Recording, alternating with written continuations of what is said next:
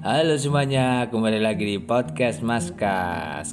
Di episode ini lagi-lagi aku mau ngomongin pendakian gunung. Nah ceritanya lama nih nggak naik gunung nih. E, terakhir kali naik gunung itu waktu naik gunung perahu yang sama ponakan yang kedua kalinya karena yang pertama kan gagal yang waktu cuacanya ekstrim tendanya rembes nah yang kedua berhasil nah itu berarti sekitar akhir tahun 2020 kayaknya. Nah kan karena awal tahun kan semuanya pada tutup tuh karena pemulihan ekosistem dan juga musimnya kan lagi gede-gedenya hujan jadi pada tutup. Nah kemarin itu udah pada mulai buka lagi. Akhirnya aku mau naik salah satu gunung yang pernah aku daki juga yaitu Gunung Sumbing tapi ini lewat jalur baru yang baru dibuka belum ada satu tahun. Itu ada di Kabupaten Wonosobo. Nah waktu itu aku mau ajak lagi-lagi ajak keponakanku. Tapi sayangnya semuanya udah siap tiba-tiba dia ngensel gara-gara apa? Gara-gara dia tiba-tiba pagi-paginya semuanya sakit. Nah akhirnya mau nggak mau datanglah aku sendiri nih ceritanya ke base camp pemuda mandiri desa Lamuk kecamatan Kalikajar Wonosobo. Ini nama jalurnya namanya biasanya disebut jalur Gajah Mungkur. Hampir satu jalur sama Bowongso satu arah persis satu arah cuman e, nanti di treknya sampai ke puncaknya itu nggak nggak ada pertemuan. Pertemuan dua jalur ini nggak ada. Ceritanya karena udah pengen banget nih mau nggak mau datanglah sendiri ke jalur Bowongso. Eh jalur Bowongso. Datanglah sendiri ke jalur Sumbing via Gajah Mungkur. Karena udah nyari teman sana sini nggak ada yang sempet hari kerja juga kebetulan karena minggu depannya udah mau kerja lagi jadi ya ini lagi ada kosong gitu ya. Udah di, udah diceritain nih sebenarnya ada hari sebelumnya itu ada enam orang. Cuma enam enam orangnya itu juga dari Banjarnegara tapi kan belum ada persiapan apa pun jadi ya mau nggak mau besoknya. Ternyata eh ternyata sampailah aku ke sana. Pagi-pagi buta aku datang. Wus ke base camp. Sampai nih sekitar jam 9 hmm, sekitar jam 9 tanya-tanya tanya ini itu. Mereka nanya dong loh kok sendirian mas? Iya nih mau berdua tapi yang satu malah pakai sakit segala akhirnya nggak apa-apa lah sendirian. Nah nanya tuh udah ada orang daki berapa? Gitu ya. Sama sekali nggak ada. Yang ada itu ya enam orang yang kemarin datang itu yang dari Banjarnegara. Itu pun nanti ya mungkin sore udah turun. Waduh, berarti sendirian dong ini ceritanya. Tapi ya sudah nggak apa-apa lah, ada nggak ada apa-apa juga di gunung. Ya penunggu pasti ada dong, tapi ya kan niatnya kita ya cuman mau menikmati alam aja, nggak ada nggak masalah.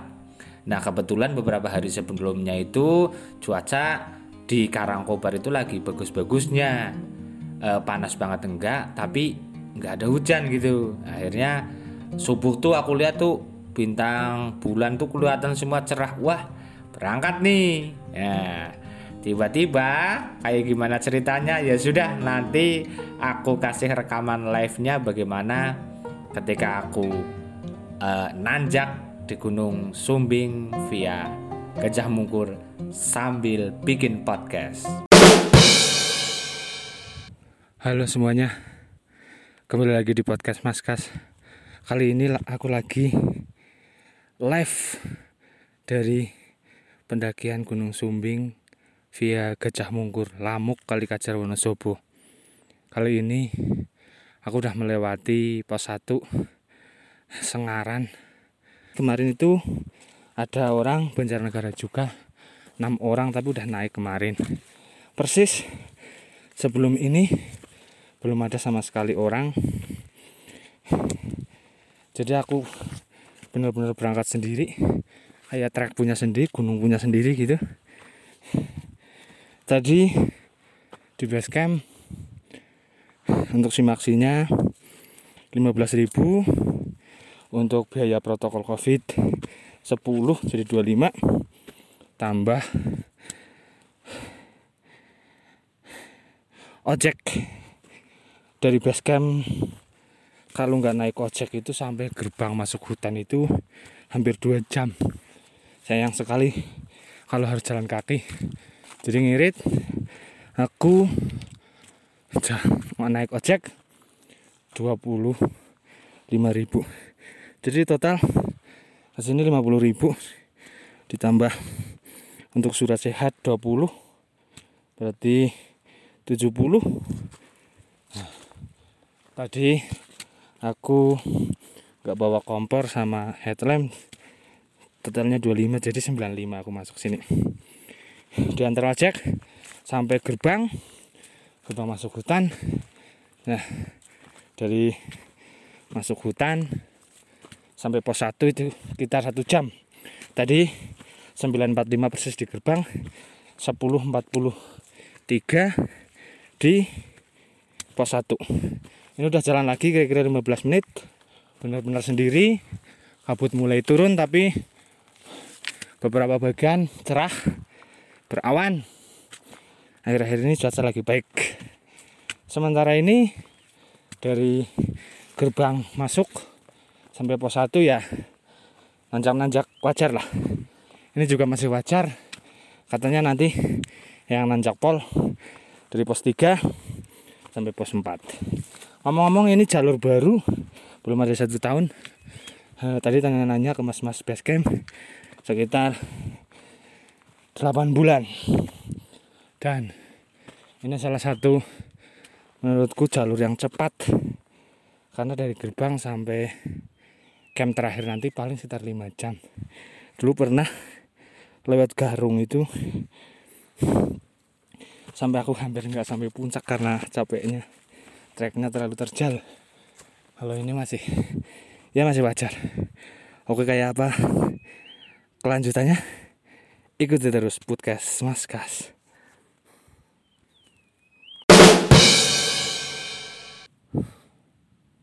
Udah jalan sekitar 30 menit dari pos 1 jalanan semakin menanjak dan ini udah nyampe di area terbuka. Jadi tinggal rumput-rumput pendek kayu-kayu besar sudah terlewati. Artinya ini memang udah agak tinggi. Nggak tahu ketinggian berapa ini. Bentar lagi insya Allah nyampe pos 2 nanti di pos 2 kita bikin kopi dulu lah rokok sebatang sebatang sholat duhur mungkin karena ini udah mau jam berapa ini? Udah setengah 12 ya sebentar lagi sholat duhur. Mungkin nanti sholat duhur habis itu ngerokok ngopi-ngopi dulu lanjut ke pos 3 nanti ngecamp insya Allah di pos antara pos 3 sama pos 4 pos 4 itu pos terakhir yang paling sekitar 30 menit lagi sampai puncak. Jadi kalau nanti ngecamp di antara pos 3 pos 4 sekitar sampai puncak sekitar satu setengah jam besok paginya. Oke, semoga perjalanan lancar, tidak ada halangan. Cuaca sudah kabut sudah turun, tapi di sela-sela kabut masih ada cahaya matahari sampai ke badan, jadi kelihatannya ini bukan kabut hujan. Berdoa saja semoga hari ini tidak hujan, karena aku sendirian. Kalau hujan cukup repot. Semoga semuanya baik-baik saja. Mari kita lanjutkan.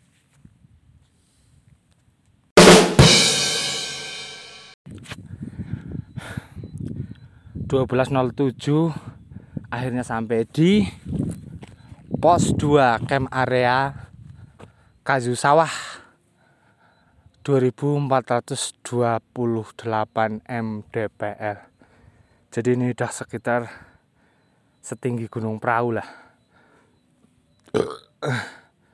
Cuacanya sudah lumayan dingin kabut juga ya nggak terlalu tebal sih tapi lumayan matahari cuman sedikit banget. Itu pun nggak nongol. Cuman ini kelihatannya ini bukan kabut mau hujan. Jadi semoga saja nggak hujan. Tadi treknya dari pos 2 eh pos 1 sampai pos 2 itu eh, ada banyak beberapa bonus sih. Karena ini kan eh, melewati sabana gitu ya. Melewati sabana terus dibikin berkelok-kelok. Jadi uh, ada banyak bonusnya.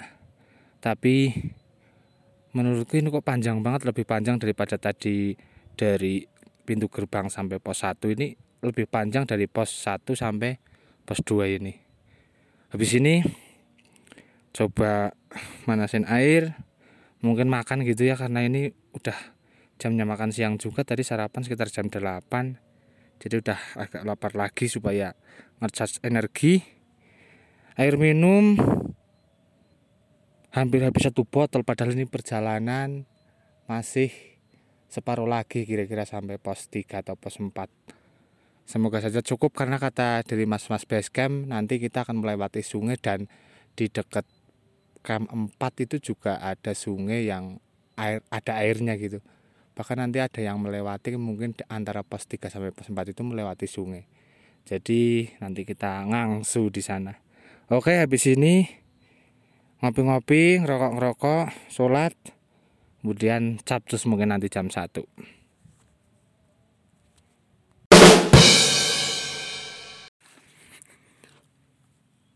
Di pos 2 areanya cukup luas dan eh, ini memang areanya dibikin rata-rata kayak gini jadi kayak ada satu bidang satu bidang gitu itu untuk pendaki ngecamp. Jadi di sini kira-kira ada satu dua tiga empat lima enam tujuh delapan sembilan sepuluh sebelasnya mungkin lima belas tenda bisa masuk di di pos dua. Untuk beberapa pendaki ini salah satu camp area yang paling ideal karena e, tenaganya ya sudah cukup terkuras dan sampai ke puncaknya sekitar setengah perjalanan lagi. Jadi ini bisa jadi salah satu tempat untuk ngecamp yang ideal. Sayangnya ini tempatnya agak di punggungan gitu jadi cukup terbuka. Kalau angin pas kencang ini bisa jadi kencang banget anginnya. Begitu.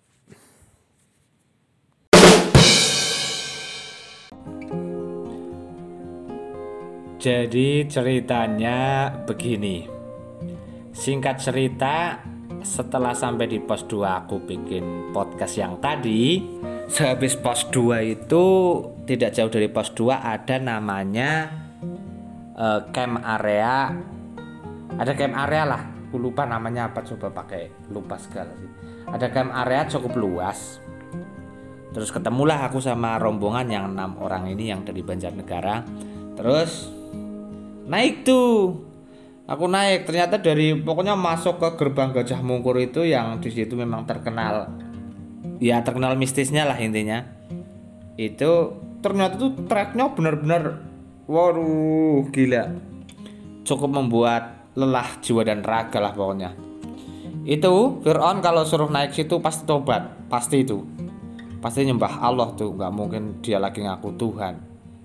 Nah dari pos 2 itu dari pos 2 kabut udah cukup tebel. Tapi ya harapannya sih semoga nggak hujan gitu ya. Tapi begitu beberapa meter dari pos 2 mau ke camp area itu itu hujan turun. Nggak lama pakai mantel berhenti lagi. Itu ada tiga kali pokoknya copot pasang mantel itu ada tiga kali. Tapi masih masih sampai pos 3 itu nggak ada hujan yang benar-benar gede Nah tiba-tiba nih tiba-tiba. Di pos 3 itu geledek petir itu menyambar-nyambar di atas kepala. Nggak ada berhenti-berhentinya sama sekali. Benar-benar gila nih benar-benar seperti di atas kepala. Itu di atas pos 3 itu benar-benar padang savana yang sangat luas. Indah sekali itu kalau pemandangannya indah sekali kalau uh, cuacanya lagi bagus itu pasti indah sekali itu benar-benar padang luas. Nah di situ kan aku makhluk yang paling tinggi kan berarti karena memang di situ kan cuma rumput-rumput pendek itu. Ada ada kayu satu yang agak tinggi tuh itu juga namanya kayu jomblo. Makanya dia sendirian itu kayu cuma satu di atas pos tiga. Jadi aku itu makhluk yang tertinggi di situ. Nah nah kalau tiba-tiba amit-amit nih itu si petir yang menyambar-nyambar di atas kepala hilaf terus tiba-tiba kena kepala aku. Waduh bisa berapa dong. Anak istriku siapa nanti yang mengurusi? Aduh kasihan mereka juga kehilangan bapak semempesona ini. Aduh akhirnya dengan berat hati yang benar-benar udah capek luar biasa. Itu kan tadinya aku mau ngecamp setelah pos 3 kurang lebih ada satu jam dari situ. Itu ada pos camp kandang kitang itu pos yang paling direkomendasikan buat sebelum muncak memang. Jadi paling enak itu di pos camp kandang kitang sebelum pos 4 pos terakhir. Kalau udah dari pos 4 itu paling tinggal 30 menit sampai puncak. Berarti sekitar satu satu jam 30 menit lagi sampai puncak. Berarti itu memang yang paling ideal itu di situ. Jadi sekitar satu jam dari saya eh, ada petir menyambar-nyambar itu saya bimbang banget tuh. Udah hujannya uh gila nih. Hujan gila nih. Terus petir menyambar-nyambar di atas kepala sendirian kabut bener-bener tebel banget. Jalan yang dilalui itu udah mulai mulai banjir itu udah mulai air bukan lagi bukan lagi jalanan. Akhirnya dengan berhati aku mikir waduh ini bahaya kalau diterusin barangkali terjadi sesuatu yang nggak diinginkan gitu ya. Mikirnya kan puncak nggak mungkin ke mana-mana di situ-situ aja ya udah lain kali gitulah akhirnya dengan berat hati balik kanan tuh. Aku balik kanan. Tadi waktu ketemu rombongan dari Banjarnegara yang enam orang itu kan di atas pos 2 itu bener-bener aku nekat dari atas aku lihat jam itu jam 3 jam 3 aku pikir naik udah kan berarti dari jam 10 mulai gerbang masuk rimba itu jam 10 11 10 11 12 1 2 3 jam 3 asar itu aku dengar waktu geledek nyambar-nyambar itu asar. Berarti udah 5 jam berjalan nih aku udah 5 jam berjalan. Uh, 5 jam asumsiku kalau 5 jam naik kurang lebih turun kan setengahnya kira-kira dua setengah. Kalau jam 3 berarti 4 5 5 mungkin setengah 6 bisa nyampe base camp gitu kan aku mikirnya. Wah ini mumpung masih di sini belum terlalu sore juga mau nggak mau udah balik kanan balik kanan. Akhirnya balik kanan tuh bener-bener balik kanan. Dari atas itu bener-bener aku kayak orang wah itu padahal dari bawah itu benar-benar jam 8 pagi aku sarapan sedikit itu pun sedikit. Nasi sama sayur kangkung kalau nggak salah di rumah. Itu sampai jam 3 itu aku cuma ngopi satu ngopi satu cangkir ditambah ngerokok satu batang sele oleh paling 5 biji. Jadi benar-benar fisik benar-benar dipus bener-bener dipus tapi aku harus turun gimana caranya sebelum maghrib udah harus di base camp. Jadi sekitar hitungan 3 jam naik 5 jam turun dua setengah gitu kira-kira setengah enam. Tapi ternyata karena memang rasa kepengen turunnya se uh, pokoknya waktu turun tuh inget banget inget istri inget muka istri inget muka dua anak pokoknya harus turun secepatnya. Barangkali terjadi sesuatu yang nggak diinginkan akhirnya benar-benar kayak orang lari benar-benar kayak orang lari. Kaki sakit pegel udah nggak nggak sama sekali nggak difikirkan. Benar-benar kaki itu gila. Itu jadi kan ada turunan yang melewati sungai terus uh, walaupun itu waktu turun dari gunung itu agak naik dulu dari sungainya. Itu sampai situ tuh karena memang mungkin sangat diforsirnya otot kaki gitu ya itu. Itu sampai benar-benar dua-duanya kram nggak bisa dikerakin tapi gimana caranya aku harus bergerak? Padahal itu tanjakan nggak terlalu panjang itu paling berapa? 100 meter mungkin. Nggak sampai nggak sampai 100 meter. Itu sampai sampai aku duduk agak lama. Aku oh pijit-pijit tapi udah sakit banget. Akhirnya seperti orang merangkak itu seperti orang merangkak turun. Setelah rata lagi tuh kaki baru kerasa enak lagi. Terus yang tadinya waktu naik itu papasan sama hmm, sama yang rombongan dari Banjarnegara enam orang itu padahal aku udah naik jauh dan mereka udah turun jauh. Itu sampai di pintu rimba aku bisa ketemu lagi saking cepetnya aku turun. Setengah lima itu aku udah nyampe di base camp berarti tiga empat setengah satu setengah jam naik lima jam satu setengah jam udah bisa sampai base camp. Saking cepetnya aku turun orang mereka aja pada heran Wah, kakimu kok hebat amat mas ini. Itu bukan karena hebatnya kaki karena memang sangat kepengennya cepet turun gitu. Itu pengalaman paling ekstrim selama aku naik gunung setelah sama ponakanku yang pernah aku omongin di podcast juga. Gunung perahu itu kan gunung yang nggak tinggi lah.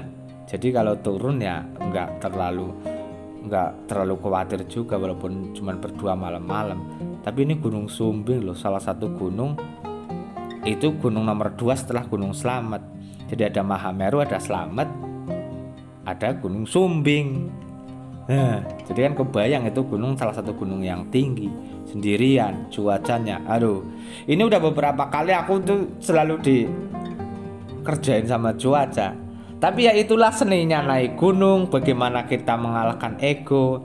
Dari sini aku masih bisa memberi uh, bisa menarik kesimpulan gitu buat kehidupan aku juga ya buat pengalaman kita bahwa uh, selain tekad dan usaha yang kuat juga kita harus realistis. Kalau aku ya waktu itu di Sabana mungkin naik ya mungkin ya pokoknya ambil positifnya lah. Selain satu karena kecewa gitu gak nyampe puncak gitu ya yang kedua ya ya itu. Ya memang mungkin akan terjadi sesuatu gitu. Yaitu tadi. Di sabana yang begitu luas aku kan yang paling tinggi nih karena lainnya itu cuma rumput-rumput. Nah itu kan petirnya kan meng, wah mengerikan pokoknya. Kanan kiri menyambar nyambar nggak ada berhentinya. Hujan gede banget bener-bener gede. Terus kabut gila seperti itu. Eh pokoknya ngeri. Ya akhirnya mau nggak mau turun lalu mas, mas sampai di bawah mas mas basecamp. Lu mas. Eh jadi turun mas. Eh, untungnya karena waktu naik itu di karena aku solo hiking jadi dikasih pinjam HT gitu. Sa sebelum nyampe pintu rimba udah bilang tolong mas aku nggak jadi naik minta dijemput saja gitu. Akhirnya dijemput lah. Ojek. Kayak gitu. Ya karena kompor uh, kompor sama headlampnya itu gak dipakai benar-benar gak pakai kepakai sama sekali akhirnya ojeknya yang pulang harusnya bayar 20 ribu gak jadi bayar. Ya begitulah salah satu pengalaman yang ekstrim dengan kesendirian sepi. Ada salahnya juga aku kenapa maksudnya? Karena sendiri belum terbiasa solo hiking.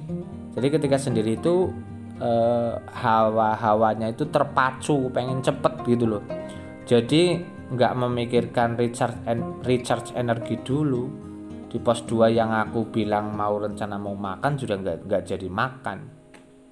Cuman ngopi ngerokok di di bawah pos 3 makan selai oleh truk itu udah kebayang padahal mie rasanya enak banget. Tapi ya karena sendirian mungkin ya hawane cepet-cepet sampai-sampai gitu. Biasanya kalau bareng-bareng itu kan ya sudah ngobrol-ngobrol. Jadi capeknya agak agak lupa gitu loh. Kalau kemarin memang kerasa capeknya itu lumayan karena ya nggak ada yang diajak buat kerasa gitu.